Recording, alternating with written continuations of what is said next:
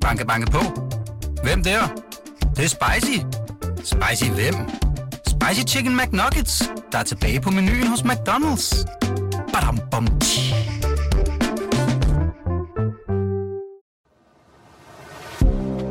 Du lytter til Dine Penge. Et program om privatøkonomi, der hjælper dig med alt fra dit første boligkøb til situationen på aktiemarkedet. Din vært er Stefan Sinkali. Velkommen. I dag skal vi tale om et øh, emne, der kan være ganske ømtåligt og fyldt med landminer. Skilsmissen.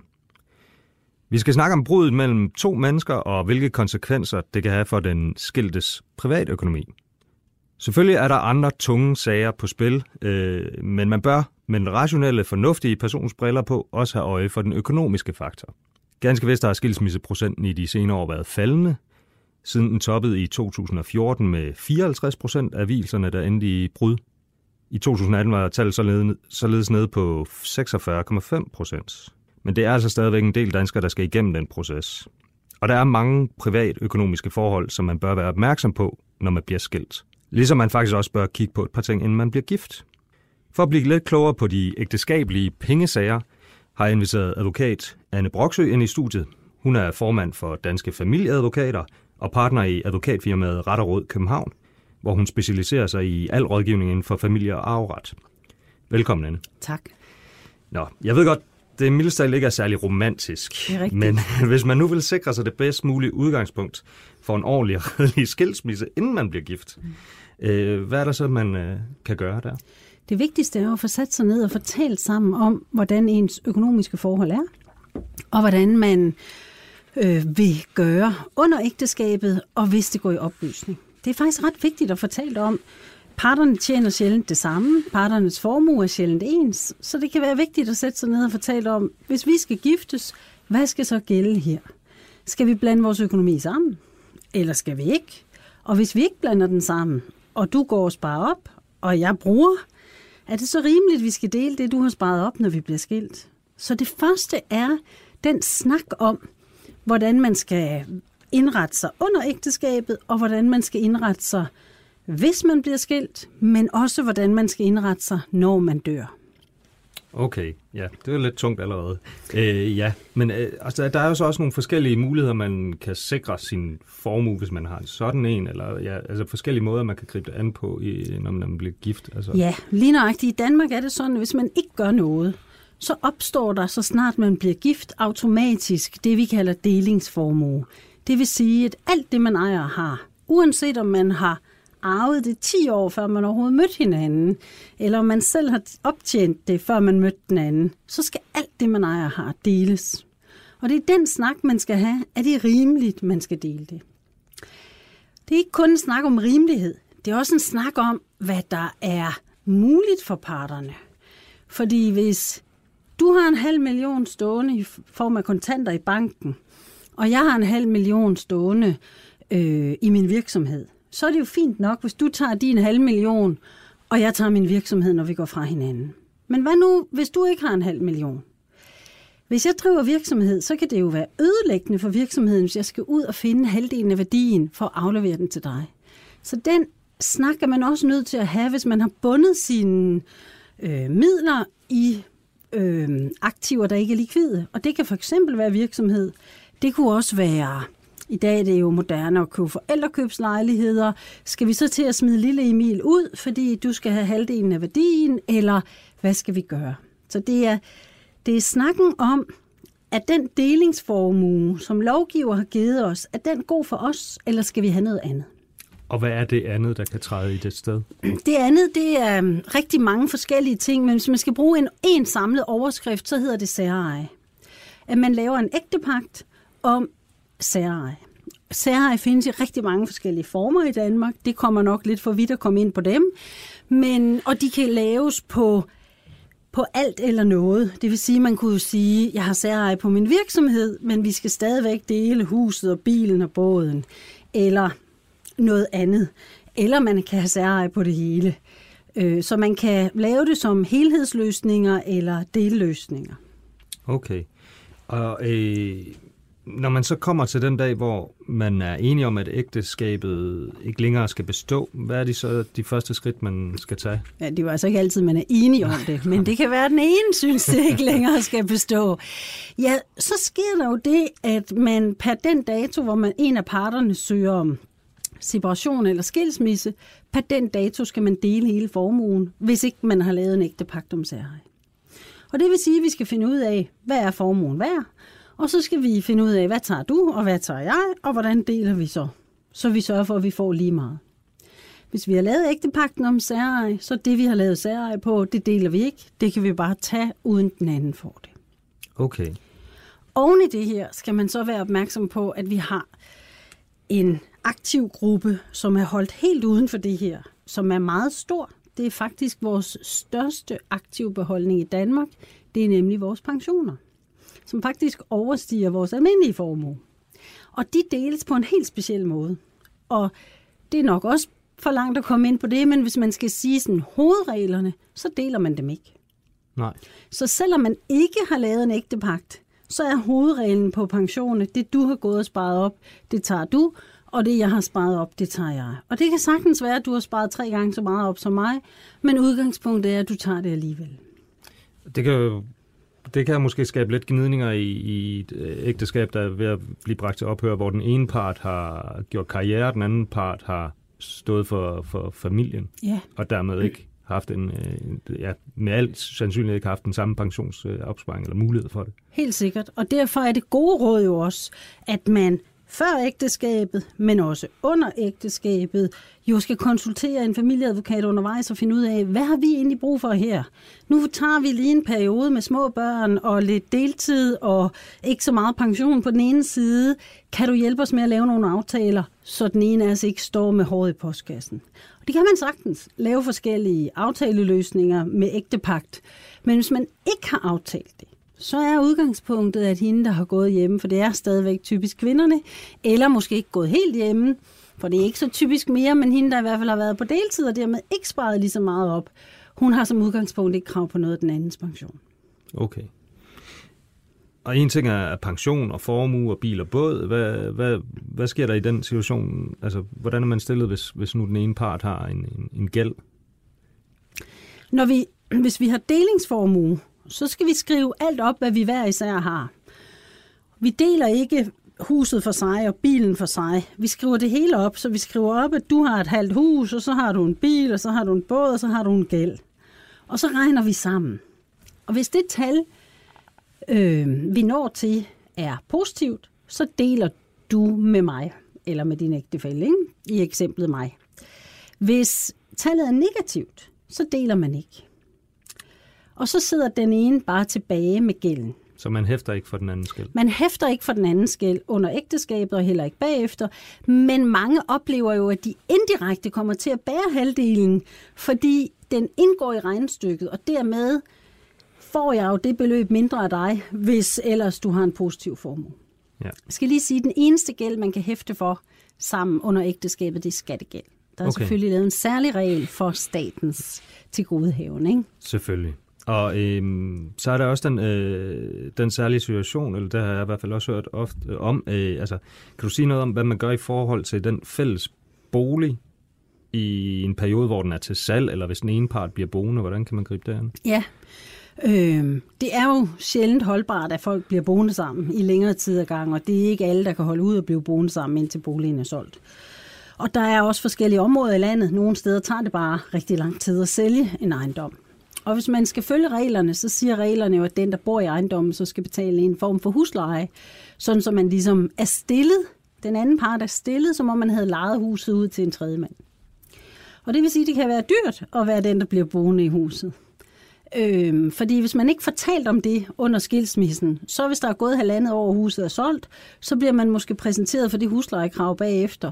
Og så bliver man måske lidt overrasket, og så siger man, så vil jeg slet ikke have boet i huset. Men der kan man jo ikke lave det om. Nej, nej. Okay.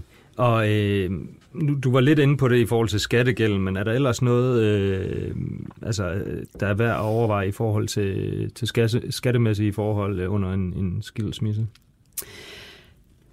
Øhm, Altså, der er jo rigtig meget skat i skilsmisser og i familieret, fordi der er jo skat på rigtig mange af vores aktiver. Og det skal vi jo huske, at hvis jeg skal aflevere halvdelen af værdien af min virksomhed, så hjælper det ikke, hvis vi bliver enige om, at virksomheden er x kroner værd, at jeg afleverer halvdelen af x kroner, for der vil typisk være et latent skattekrav på sådan en virksomhed.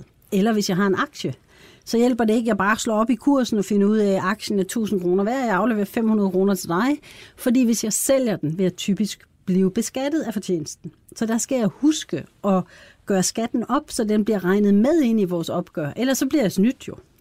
Selvfølgelig. Og apropos snydt, altså der, det er vel altid en god idé at få en ekstern part, en, en hvad kan man sige, en neutral part ind over i, i de her forhandlinger. For det er sjældent, at, det er, øh, at der er enhed, som du var inde på tidligere. Øh, og der er vel også, øh, der er sket nogle ting fra det offentlige i forhold til, at man ikke bare lige kan blive skilt på samme øh, måde som, som tidligere? Altså man kan jo stadigvæk blive skilt, men, mm. men mennesker med børn under 18 år, de skal jo igennem en tre måneders refleksionsperiode. De fleste kommer om ved det ved bare at søge om separation. Så er vi okay. jo færdige med det. Så du kan jo reelt komme fra hinanden juridisk med det samme. Øh, ja. ja. Men og så er der så måske en mailing, som, hvor man kan have brug for en, en, en ekstern part i forhold til at få styr på mange af de her ting. Ja, der er jo ligesom to ting. Det ene det er, at man typisk er i en situation, hvor man menneskeligt taler meget dårligt sammen. Og det kan jo i sig selv gøre, at man har brug for en mailer. Det kan være en god ven, eller det kan være en decideret mediator, eller en eller anden, der kan hjælpe en med at få talt sammen. Det andet det er, at man jo nogle gange også har brug for hjælp til at finde ud af, hvad man har krav på, og hvad man ikke har krav på. Så vil man jo typisk have behov for en advokat til lige at hjælpe en med at sige, hov, du skal lige være ops på det og det. Men ellers har vi rigtig gode erfaringer med, i stedet for at bruge advokater øh, og bruge mediatorer, altså øh, konfliktmailere, der kan hjælpe folk med at løse deres konflikt selv. En ting er selvfølgelig de gifte, men øh, der er jo også rigtig mange, der lever sammen i papirløse forhold. Det er der. Og de skal jo passe ekstra meget på, fordi de har ikke nogen lovgivning, der øh, hjælper dem, hverken ved skilsmisse eller ved død. Og det betyder, at de har ekstra meget behov for at få rådgivning. Fordi det, der jo gælder deres situation, det er, at her er ikke nogen delingsformue. Her deler man ikke noget med hinanden. Her udtager man de aktiver, man ejer hver især. Og det kan jo betyde, at hvis øh, jeg har flyttet ind i din lejlighed, og vi har boet sammen i 18 år. Øh, vi har delt huslejen, øh, og det er en ejerlejlighed. Så har du hen over de 18 år opbebåret en friværdi. Du har dels fået måske en værdistigning, men du har også fået den friværdi, der er kommet ved, at vi har afdraget på gælden. Og når du så siger, at vi ikke skal bo sammen mere, så kan jeg jo gå med, min, med mit tøj. Fordi jeg har jo ikke krav på noget af din lejlighed. Heller ikke selvom jeg har gået løbende og betalt til den. Det er dit aktiv. Og derfor så er det ekstremt vigtigt, at ugifte fortalt om det her, når de flytter sammen. Hvad gør vi? Hvad gør vi, hvis det er din lejlighed? Hvordan ordner vi det, så jeg ikke står tilbage uden noget? Skal jeg købe mig ind, så jeg ejer halvdelen, så jeg også får halvdelen bagefter? Eller skal vi lave en aftale om, at det, jeg betaler til der skal jeg have tilbage, hvis vi flytter? Eller er det bare rimeligt, at jeg betaler, fordi jeg skulle have betalt husleje alligevel? Jeg ser rigtig mange ugifte samlevende, som ikke får taget de her snakke, og som så bagefter står og siger, jamen jeg troede, jeg troede, jeg fik et eller andet. Ikke? Også hvis man dør, øh, specielt i de sager, hvor man dør i utide, så arver man jo ikke hinanden. Og så står man tilbage og tænker, hvad? Så kan man jo ikke blive i lejligheden eller noget som helst. Så de ugifte har ikke nogen regler. Øhm, og der er rigtig mange ting, vi heller ikke kan lave aftaler om som ugifte, men vi kan dog i hvert fald hjælpe dem rigtig meget. En anden ting, de ugifte skal være opmærksom på, det er, at fordi de ikke har nogen lovgivning, så er der ikke nogen, der hjælper dem. Hvis vi nu flytter sammen, og vi siger, at vi er smarte, så vi ejer lejligheden sammen, så er der stadigvæk ikke nogen lov, der hjælper os. Fordi når du så flytter, så tænker jeg, her er dejligt at bo. Det passer mig fint. Og du siger, at jeg vil gerne have solgt lejligheden, jeg vil gerne have mine penge fri. Du vil måske også gerne holde op med at betale. Og jeg siger, nej, jeg bor fint her, jeg vil ikke sælge. Så det, du ejer, det er jo en ideel halvdel af en lejlighed. Den kan du ikke sælge, når der bor sådan en idiot som mig i. Vel? Fordi der er ikke nogen, der vil købe den. Jeg kan tænke på en, der vil købe den, og det er mig. Og hvad tror du, jeg vil give for den? Jeg vil give cirka 4 kroner, ikke? Og der vil du miste hele din friværdi.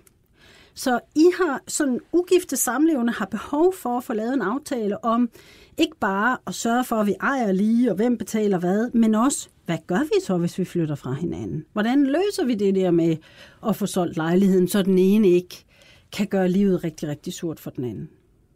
Okay. Jamen tak, fordi du i hvert fald øh, vil tage den snak med mig, og tak, fordi du vil være her. Det var så lidt. Du lytter til Dine Penge, og det er blevet tid til Mikro Makromix med Ulrik Bie og Sara Jolie. Vi skal tale Kina, tofrontskrig, italiensk uro, Brexit og tweets. En mikro-makro-mix classic, så at sige. Ulrik, vi begynder med en krig, der bliver ført med 12 satser. Ja, med tolvsatser og, og jo også med, med retorik og med mange andre virkemidler. Øh, kineserne er jo i den situation, at ved den yderligere straftol, som amerikanerne øh, har lagt på øh, varer for 200 milliarder dollars, så er vi jo oppe på over 250 milliarder dollars af kinesiske varer, der nu er straftold på. Øh, det er ganske anseligt. Øh, og Kina har simpelthen ikke nok øh, varer, de importerer fra USA, og der har dem vi andre metoden. Øh, man kan genere amerikanske virksomheder på ganske mange måder. En af de ting, der har været det mest sådan bemærkelsesværdige, synes jeg, den seneste uge, er jo ikke kun selve de her 12 men det er, at vi har en amerikansk præsident, som har jeg begyndt at skrive sine egne økonomiske teoribøger, virker nærmest som om på, på Twitter, om, øh, om hvad 12 er og hvad 12 gør. Og samtidig, det der er det mest bekymrende i forhold til, hvis man gerne vil have en handelsaftale mellem Kina og USA, det er, at i Kina der er retorikken blevet mere nationalistisk og mere afvisende og mere kæmpende hvor man, hvor man tidligere holdt igen, så er man ude at sige, at vi vil ikke lade os trumle af en bølle, øh, og nu må Kina stå sammen, og Kina er stærkere, og Kina kæmper til sidste blodstråbe. Og det er jo ikke lige frem sådan en, øh, vi ruller om og lægger os på ryggen attitude, øh, som man måske havde håbet på i det hvide hus. Så man virker til at være endnu længere væk fra hinanden end... Øh Ja, det synes jeg. Huset. Det synes jeg. Øh, Kina har jo, øh, har jo en... Det, det, det, gør mest, det her går mest ondt på Kina. Kina har nogle kortsigtede vækst forhold, de skal afveje. De har prøvet at sætte gang i økonomien. De seneste nøgletal er ikke fremragende. Øh, både på forbrugssiden og industriproduktionen har vi set øh, noget svækkelse i forhold til sådan et, et hop, vi havde her tidligere i foråret. Men det står over mod, hvad er det, Kina vil på lang sigt?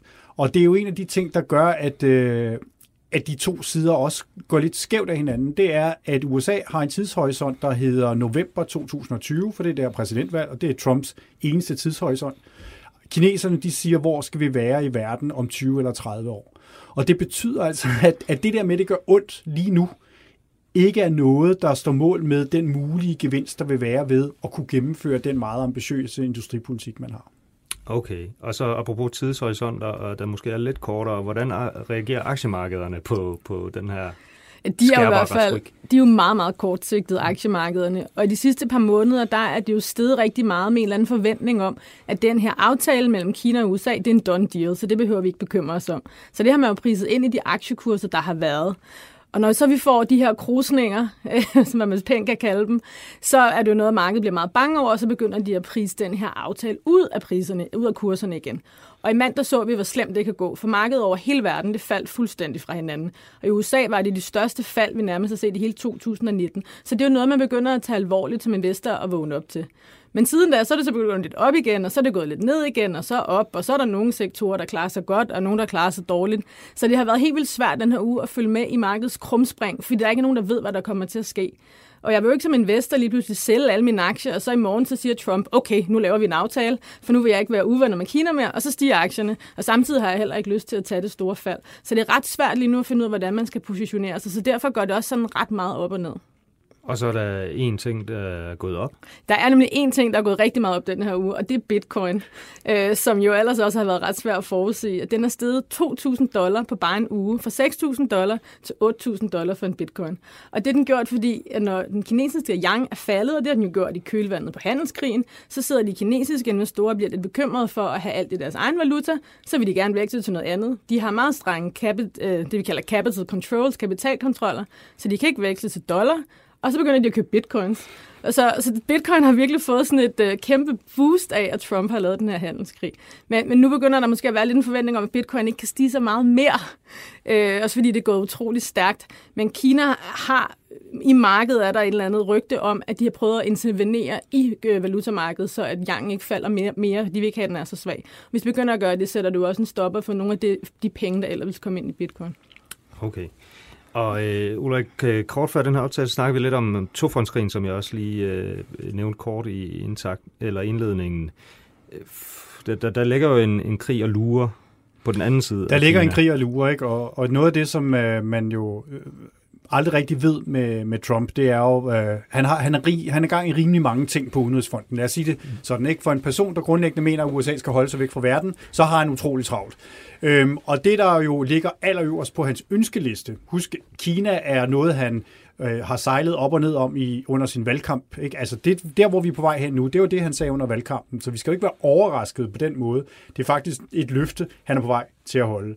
Men det andet, som personligt betyder ekstremt meget for ham, det er biler, og øh, især europæiske biler. Og han er af tysk afstamning, men har et eller andet bizart øh, hadforhold.